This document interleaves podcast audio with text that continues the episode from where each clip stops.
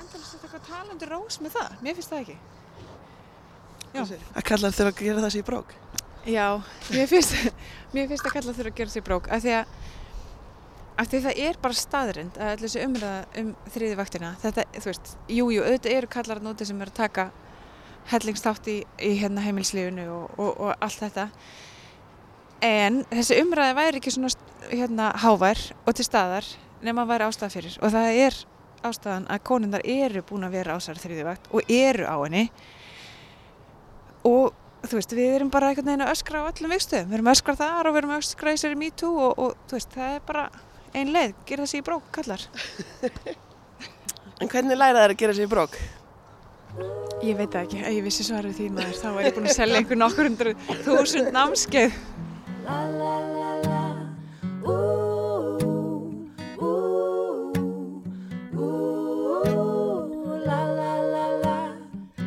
Er svona merkilegt við það að vera karlmaður? Er það eitthvað sérstak? Hvað er svona merkilegt við það að bóri vekk? Með blakk og dekker, hvað er svona merkilegt við það? að bera Sæl Sigrún. Við erum hérna á sundlega vegi eins og sönnum hérna ungbarnamæðurum svæmir þá er ekki friður heim hjá okkur þannig að við fórum í göngutúr. Já, það er eini friðurinn er úti. Nei. Hvernig ætlaðu að lappa? Ef að lappa þessaleg? Hvernig gerir það að kalla sig í brók? Ég veit það ekki. Hvernig gerir það kellingar sig í brók? Og, og hérna sinni söllu. Það eru náttúrulega bara önnur hver manneskja að upplifa kulnun og, og hérna... En svo er annað sko, sem að ég er búin að pæla í með kulnun. Að það er líka eitthvað sem að, veist, það er ekki hægt að bara segja að það, allar þessar konur sem er lendi í kulnun, það sé hann að kenna sko. Við byrjum ábyrð líka og auðvitað gerum við það. En ég held að það sé eitthvað svona, það er eitthvað dýbra sko á því. Það er eitthvað hvaðan við erum að koma og hvað ramma við erum búin að búa okkur sjálfar til sko. Og líka náttúrulega þeir kalla sem lendi börnandi, þetta er, þetta er aldrei bara einum að kenna, alltaf svo auðvelt að segja það sko. Það er miklu þægilega.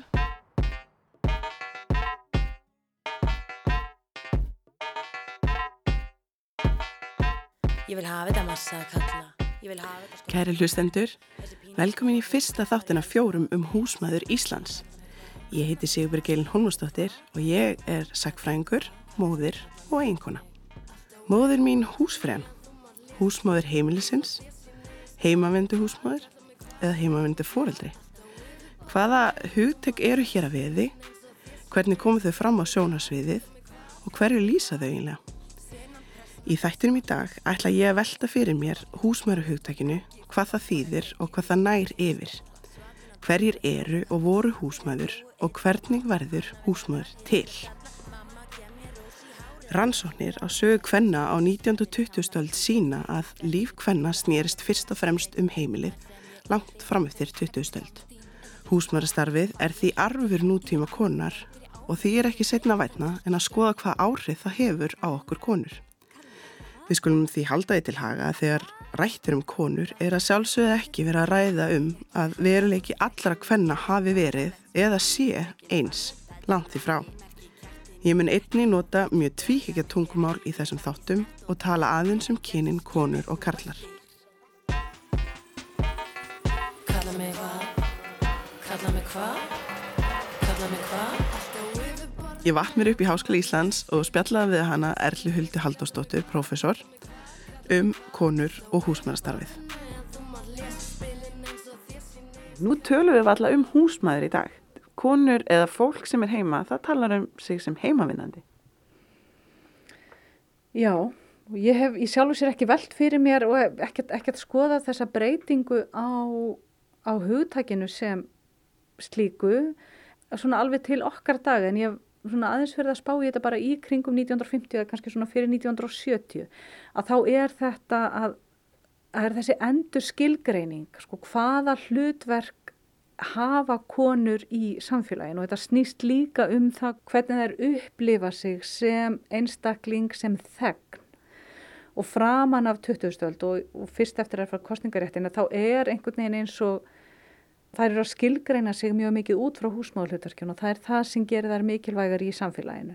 En eftir því sem konur, sífælt fleiri konur, aflas í mentunar, eftir því sem það stíga meir út á heimilinu og ég tala nú ekki um bara þegar við erum komin yfir á sjönda áratugin og, og konur eru farnar að lesa Betty Friedan og jáfnveil Simone de Beauvoir með hitt kynið, við fáum rauðsokkarhefinguna, nýju kvennarhefinguna 1970 og fleiri konur í háskólana, við fáum pilluna sem umbyldir öllu, hún er reyndar að koma upp úr 60, þá náttúrulega bara umbyldist allt, konur hafa allt önnur tækifæri.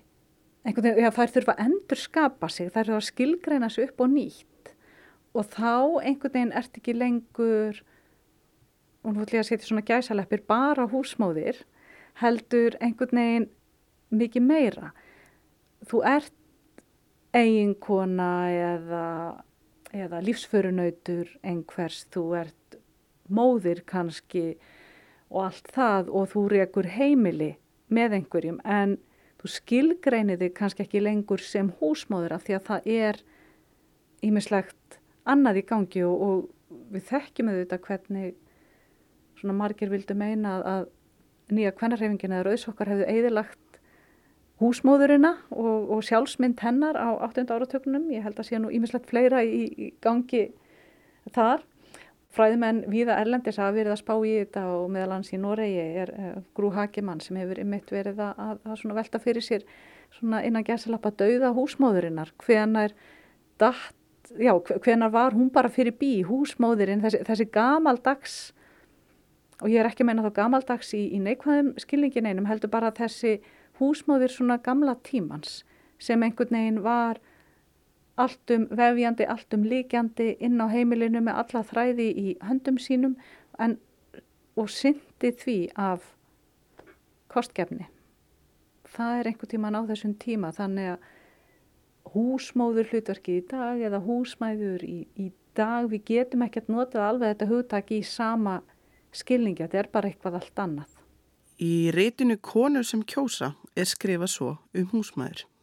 Það eru ekki heimilistörfin sem slík sem skilgreina húsmaðurina því hún vinnur þau jafnvel ekki sjálf heldur er það samhengi, hjúskaparstöðu, móðurhlutverks og fjárhagslegs ósjálfstæðis.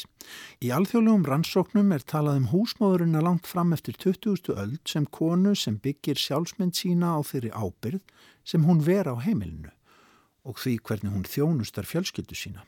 Húsmóðurstaðan er því grundvallar þáttur í sjálfskilningi og sjálfsmynd giftra kvenna. Að vera húsmóður snýrist um að geta stjórnað húsi og heimili, haft umsjón með vinslu matar, þrifum, störfum vinnufólksins eða stúlknana, bæði til sjávar og sveita langt fram eftir 20. öld.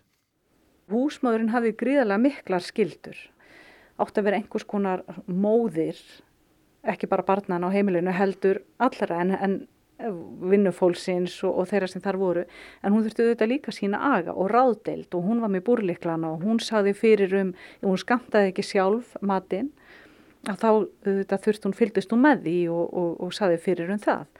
Húsmaður hlutverkið er bara mjög mikilvæg samfélagsleg staða sem konur lögðu sér fram um held ég að sinna sem allra best bæði fyrir á tímum og til okkar daga og hafa kannski og finna kannski alveg margar til þess.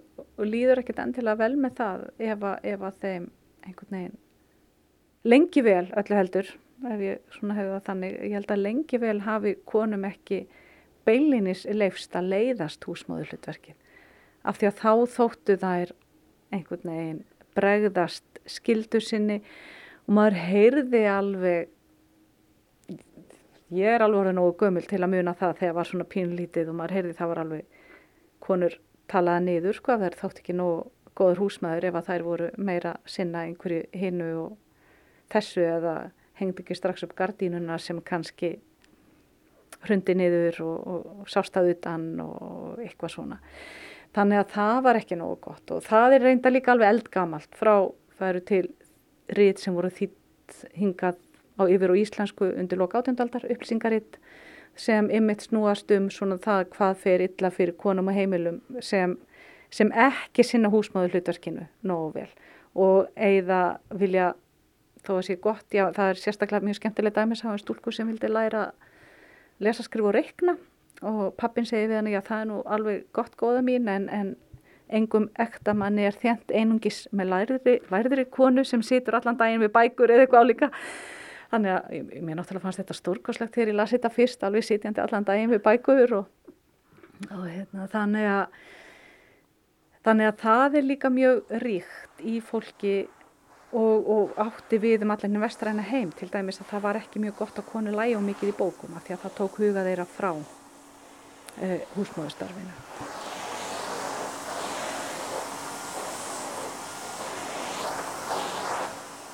Áður gæti húsmáður verið atunureikandi, útivinnandi og stundum var það jafnvel eftir sóknarvert að geta verið einungis heimavinnandi. Sumar húsmáður gengur í skóla og lærið efnafræði, næringarfræði, bókald og textilhönnun, aðrar húsmáður lærið að mömmu sinni og ömmu. Sumar nútíma húsmáður læra um húsverk á samfélagsmiðlum. Slíkjur miðlar um heimilstrif urður reyndar svo vinsalir að þeirra enduðu í áramóti skaupi okkar Íslendinga.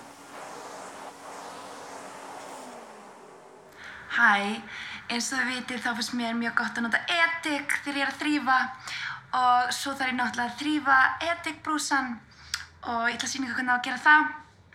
Þá er ég bara hérna með edikspraybrúsa og til þess að þrýfa hann finnst mér best að nota edik og þá tek ég bara hérna annan hérna og spraya bara svona létt yfir um, og læta hann síðan bara þotna.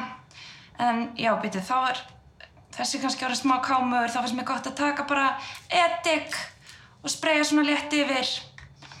Og svo þá er þessi kannski ára smá skítur þá er bara svona gott að spreja svona rétt yfir. Já, og ekki gera öfugt af því að það eru sem sagt frekar algengt mistök sem að fólk gerir. Ef þú ert kvalinn og gunnar pinslum hittar að meina sífaldri nauð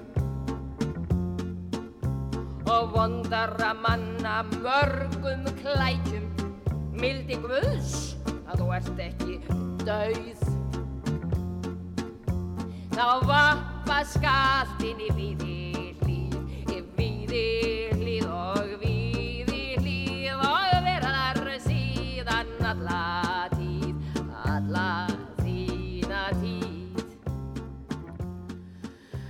Undafarið hefur verið mikið rætt um hugtak sem kallast þriðja vaktin. Þetta hugtak vísar til þeirra vinnu sem hvernmenn í gagkinuðum parasambundum vinna innan veggja heimilisins. Þá er talað um að reyka þurru heimili eins og þessi fyrirtæki eða vél. Standa fyrir því að allt gangi upp og að konu sé þar með verstjórar heimilisins. Sumir ganga jafnvel svo langt að kalla þær ósynlega verstjóra. Fyrsta vaktin er útivinna hvenna. Önnu vaktin eru heimilistörfin en sangað íslenski rannsókn eða konur á Íslandi alltaf helmikið meiri tíma í húsark en karlar. Þriðja vaktin er öll hinn andlega vinna sem konur leggja í heimilið, til dæmis skipulag, gjafaeinkaup, ammali, fataeinkaup og svo framvegis. Til að skilgreina þriðjavaktina þarf að seilast eftir öðru hugteki, andleg vinna. Hugtekið andleg vinna nýtist okkur í greiningu á þessu verkstjóra starfi. Sem oftar en ekki krefst að konur eru undir meiri andleri streitu en karlmenn í gagkinuðum sambundum. Kannanir sína þó að karlmenn séornu betri við hjálpa til inn á heimilunum en þó stendur konan ennþá fyrir skepilagningu á þeim verkum sem gera þarf og þarf því þannig að eða tíma og orku í að reyka heimilið þó svo að eiginmaðurinn hjálpi til við það verkla. Þrátt fyrir að margir karlminn séu byrjaðir að taka aukin þátti í svo kallir annarvakt, síndi rannsókn sem gerða var á Íslandi 2017 að eins 4% karla sögðust að mestuleiti sjá um heimilstörfin á móti 39% hvenna. Þessar niðurstöður sína að konur bera enn megin ábyrð á húsverkum. Konur eru í mun meiri hættu að enda á öryrkibótum vegna kulnunar af vinnumarkaði en það er ekki síst vegna þriði vaktarinnar sem eikuð þar með álág konur á þeim stað þess að það ættu að geta slakað á. Þó að hér sé aðteglinni beint að íslenskum konum þá fer því fjari að konur annar landa eigi ekki við sömu vandamál að stríða. Danski rítuundurinn Olga Rán sem meðal annars vann bókmyndavelun Pólitíkan lýsir bleiku bókinni sinni sem ber titilinn Vinnan mín eða Mitt arbejde svona. Jeg vidste ret hurtigt, at den her bog skulle hedde Mit arbejde, fordi jeg vil gerne sætte fokus på det, man kalder for omsorgsarbejde. Alt det, vi ikke får løn for. Ég áttaði mig snemma á því að bókin skildi heita Vinnan mín því ég vildi leggja áherslu á það sem fólk kallar umönnunarstörf. Allt það sem við fáum ekki laun fyrir. Passa börn, þvó þvott, búa til mat, tala við þá sem eiga erfitt. Allt það sem raunverulega fær samfélagið okkar til að hanga saman, en sem er ólaunað. Þessi orð rýma vel við orð Rannvegar Kristjánsdóttir sem byrtist að prenti í Melkorku, tímariti Kvenna, 75 árum áður.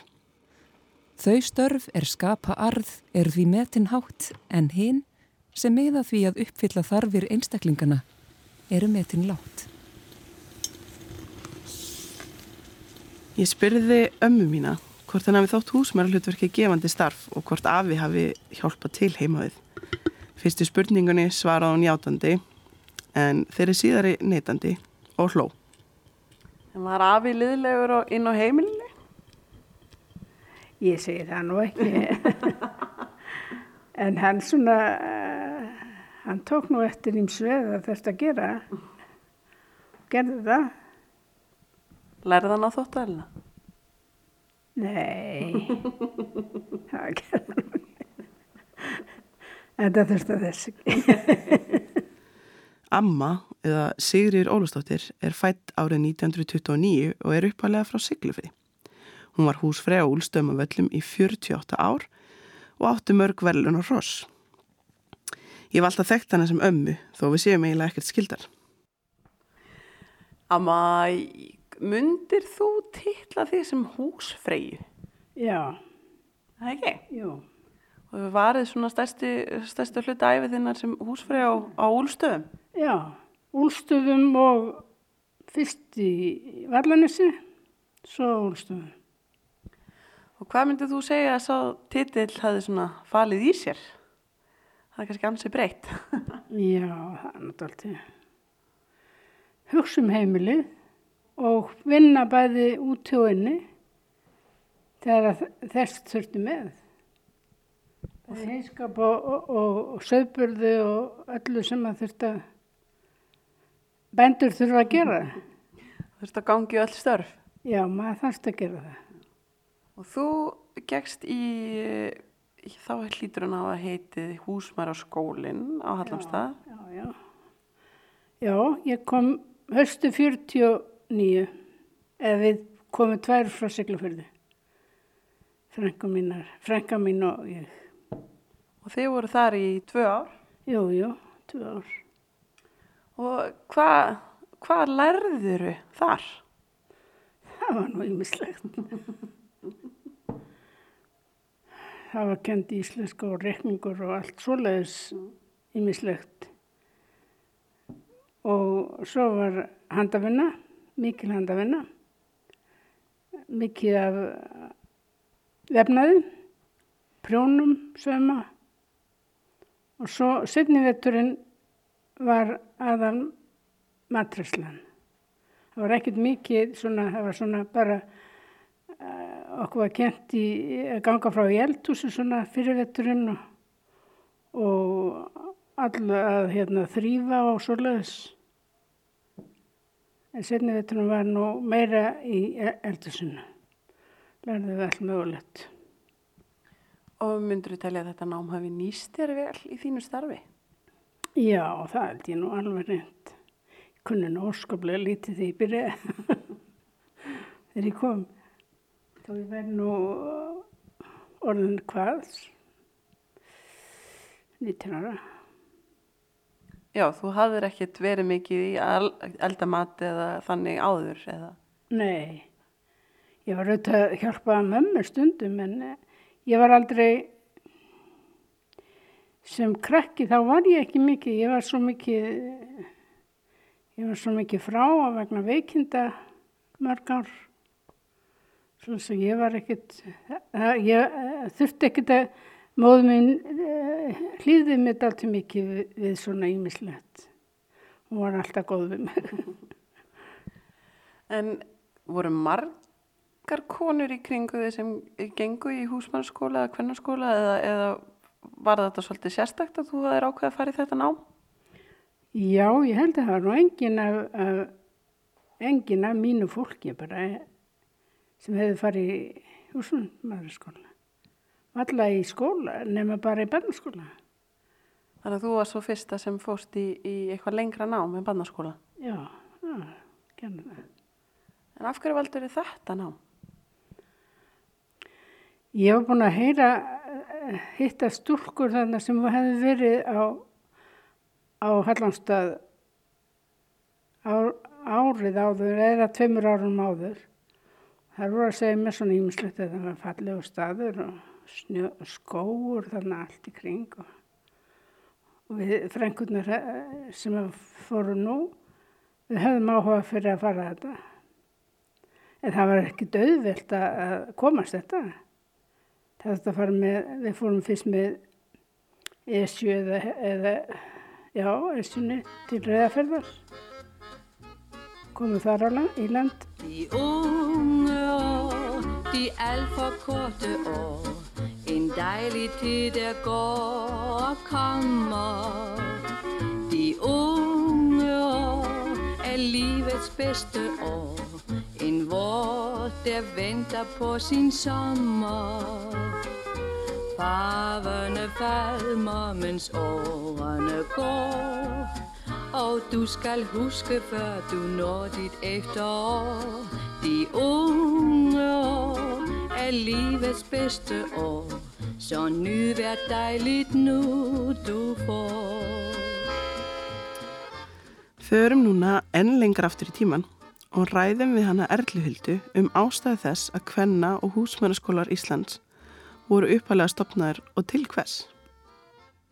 Þetta er laungsaga og ef við förum bara aftur á 19. öld að þá var fyrsti kvennarskólinn stopnaður 1874 hér í Reykjavík og hugmyndin var svo að, að menta konur eigum að segja í svona móður og húsmóður störfum að gera færar um að gegna þessu hefðbundna hlutverki.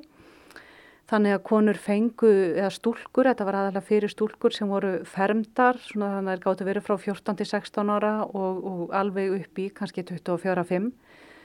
Hugmyndin var sem sagt að, að menta þeir í þessum kvenlegu yðnum, e, útsaumi, e, einhverju matreðslu og auðvitað bóknámi líka. Þær lærðu landafræði og skrift og, og reikning því að það er náttúrulega áttu allar góður húsmaður að, að kunna að, að halda búreikninga og þessi umræða reyndar á 19. er mjög aðtiklisverð vegna þess að þessi skóli sem var stopnaður hérna í Reykjavík, hann var nú mjög lítill til að byrja með og það voru hjónin Pall Melsteð og, og Þóra Melsteð sem stóðu fyrir stopnun hans og mörgum þótti hann vera of mikið undir dönskum áhrifum af því að Þóra var nú hálf dönsk og það þátt ekki góðri lukkastýra í, í íslensku samfélagi og kom mikil gaggrinni á það, þetta væri svona danski síðir og stúlkur myndu læra að bara skauta á tjörninni og drekka kaffibotla með hanska á höndum og sem sagt að stúlkur sem færi til Reykjavíkur í þessa þennan bæ spillingarinnar að þær myndu ekki vilja fara aftur út í sveit og gerast húsmaði til sveita. Þannig að Kvennarskólar voru í kjálfarið, þetta var mikill áhugi á þessum tíma, svona hluti af þessari framfara byltingu eða, eða hvað við kallum það nú á mentabyltingu í rauninni hjá þjóðinni. Að það voru stopnaðir kvennarskólar viðrótuland, aðal á Norðurlandi, Norrlendingar voru mjög uh, áfram um stopnum kvennarskóla þannig að það var bæði litli skólar í Húnavarsíslu, uh, Skagafyrði og, og Eyjafyrði þar sem var meiri áhersla lögð á matselt og, og, og jafnvel einhver bústörf líka en það var þó aldrei jafn mikið kannski að veruleika eins og fólk vildi. Sem er vildi stopna svona hvennabúnaðaskóla jáfnvel við hliðin á búnaðaskólum piltana þannig að, að þarna væru já ég var að segja jáfnvel bara hjóna efni saman í, í skóla eða sitt hvora skólan raunar og, og stúlkunnar að læra að verða fyrirmyndar húsfreyður og, og þeir fyrirmyndar bændur og sama náttúrulega myndi þetta fólk búa til þetta nýja fyrirmyndar Ísland. Þannig að hvennarskólanir hef ég fært rauk fyrir í, í, í minni doktorsrannsókn á sínu tíma þá taldi ég og, og tel enn að þeir hafi, af því þetta var í, svona eina, þarf að taka það fram náttúrulega, þetta var eina mentastofnunin sem konur hafðu aðgangað umfram það að, að, að einfallega læra fyrir fermingu, að læra hverið. Það var ekki gerð krafa um til dæmis að, að börn læriðu að skrifa og rekna fyrir 1980, þá fyrst komst það í lög. Þannig að þetta var mjög lítill læridómur og konur hafði ekki aðgang nema mjög takmarkaðan frá 1886 að læriðaskólanum. Þannig að, að kvennaskólatin voru algjör bylting fyrir konur og þannig að það sem ég hef fært rauk fyrir er það að þær hafi í senn uh, svona geta eld einhverja nýja sjálfsvitund og, og hugmyndur um að þær gætu sem konur uh, jáfnveil stíð út fyrir þetta hefðbundna hlutverk, jáfnveil gerst kennarar. Þannig að kvennaskólamenturinn opnaði þeim einhverja nýjar dýr, eldi jáfnveil menta löngun og, og hugmyndur um að þær gæti einhvern veginn stíð út fyrir þetta hefðbundna hlutverk en hvernig skólanir gerðu líka í því að íta undir hefðbundið hlutverk hvenna.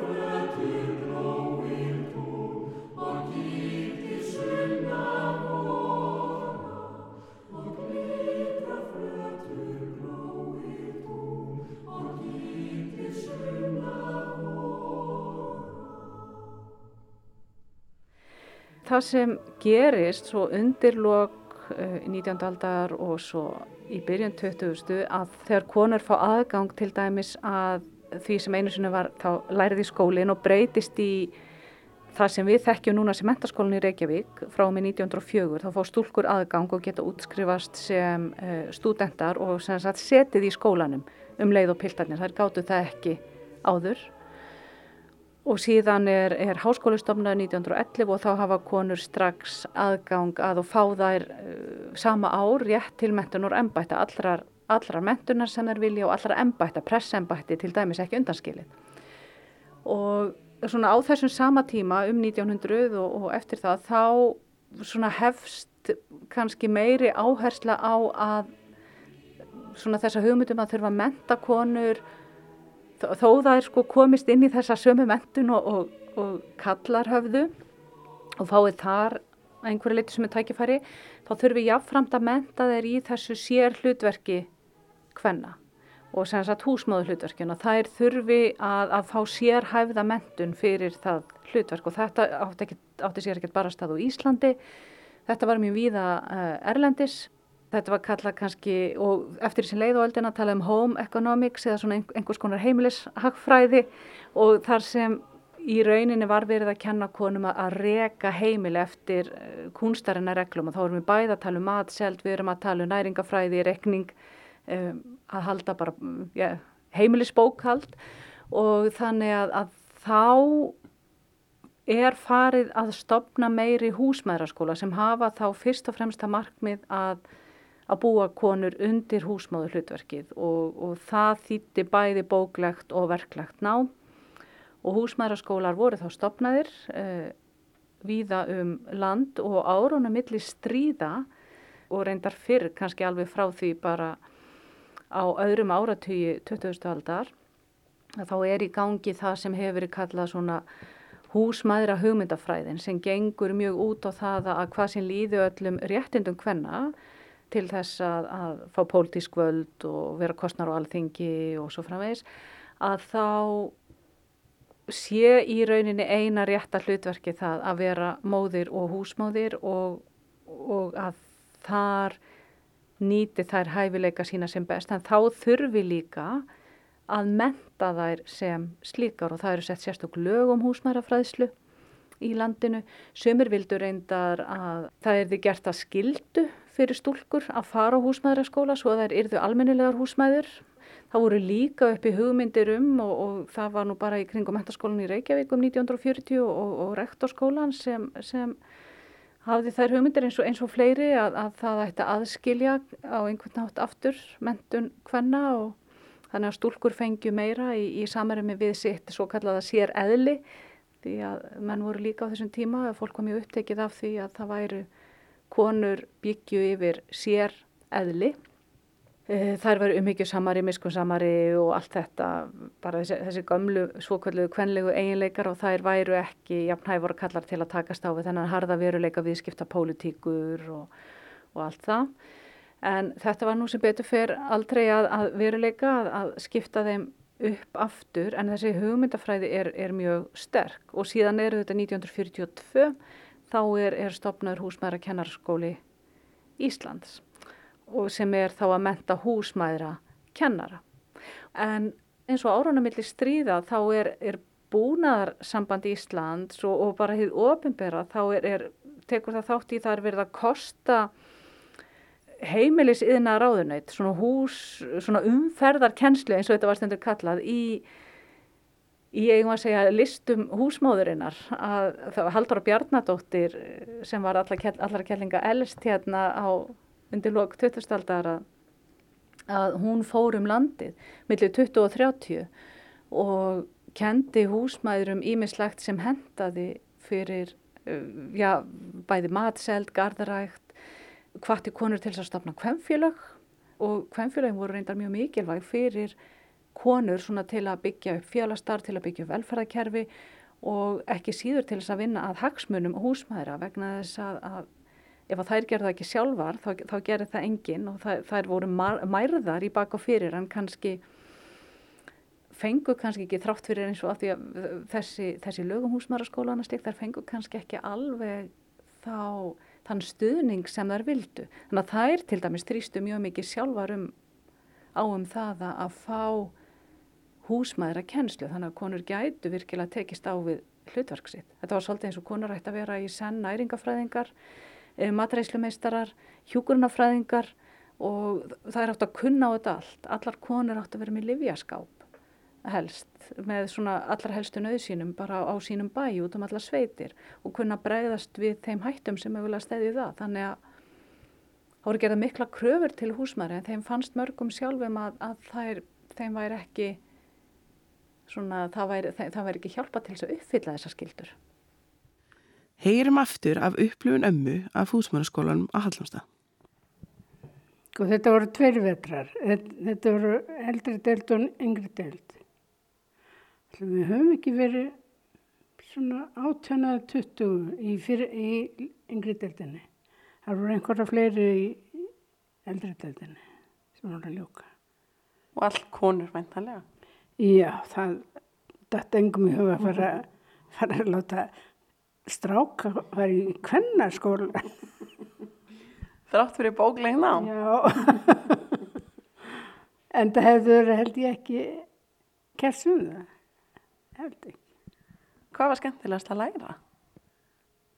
Það var nú handafina fannst mér nú sérstaklega sérstaklega hérna vefnaðurinn að læra, læra hann prjón, ég var nú ekkert mikið fyrir prjóna, en svona þá. og svo hafði maður þetta gaman að læra bara matræsluna. Allt sem að við kom mat. Hæ? Hvað er það? Verðiga? Maður hef vindlúa. Já, vindber.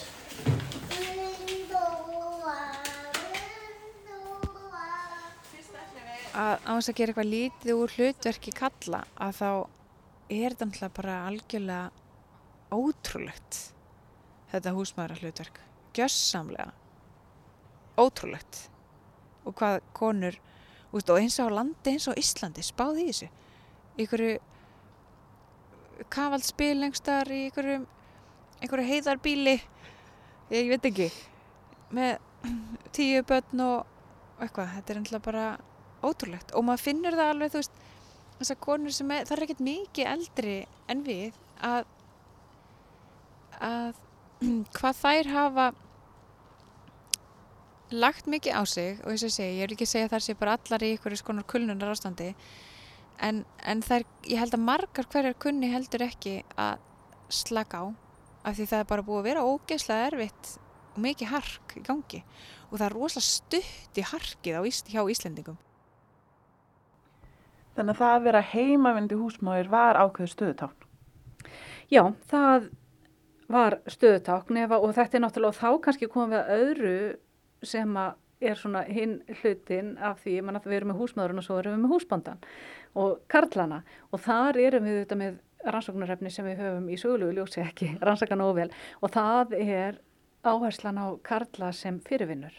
Og það, þetta fyrirvinnu hugtak, það hefur talsvert verið auðvitað rætt um það í, í fræðunum bæði hér og, og erlendis og ég held að sé mjög mikilvægt um þetta að skoða það betur og bara þau áhrif sem það hafði á, á til dæmis karl menn að, að geta ekki séð fyrir fjölskyldu. Því að það var, þá erum við komin með sko brotalöfum á karlmennsku í myndina. Og ég hef alveg, og konur hafa sagt mér sögur af því og ég veit um velmentaða konu sem vann úti upp úr 1950 og hún sagði við mig að, að hún hefði verið spurð af manni sér nákomnum getur hann ekki séð fyrir þér? Og þá átt hann við eigimannin þetta var háskólamentu kona og hún vildi bara vinna úti og, og það, þannig að þá er það þessi hugmynd að til að uppfylla ákveðna skildur sem kallmaður þá sérð þú fyrir heimilinu og sem kona þá gerir þú heimili þannig úr gardi að það er atkvarf fyrir eigimannin og, og býrð börnunum gott heimili og einhvern veginn, ég menn það er bara þitt starf. Og þess vegna líka spurðu konum að sér það í 19. júni í húsfreyjunu og fleiri blöðum eftir 1950 þá eru konur sífælt að velta fyrir sér með svona bara breyttu samfélagi breyttum hugmyndum, meiri mentun hvenna þær eru meira að stíga út og í ofinbæra svið og taka þátt í ímsu sem þær hafði ekki tekið þátt í áður. Að á spyrja er í rauninni vaksandi mæli hvað er þá orðið um okkar starf það er skinnjað þarna ákveðna breytingu sem er að verða í samfélaginu að þær, þeirra hlutverk er ekki það samu áður.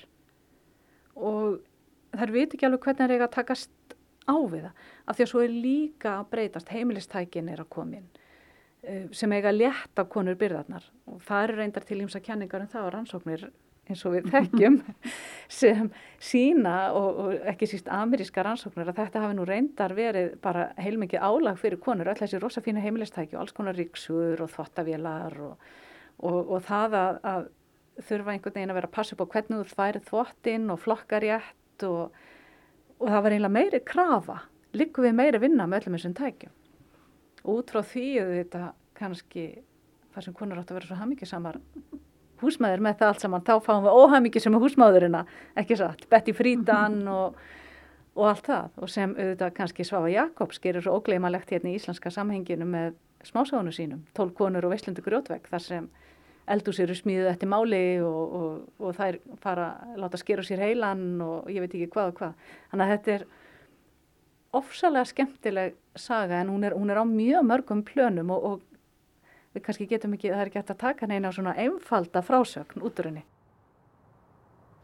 En, en kannski er þessi by- bylgja af hérna, súrdagsbröði og útsömi og prjóni og kannski er þetta líka bara eitthvað svona ákall að hæja á. Við, að, við konunar við finnum það að við erum bara komnar eitthvað þólmark svo, svo fær maður svona þegar maður segir eitthvað svona þá er maður, já já mamma mín var nú la la la.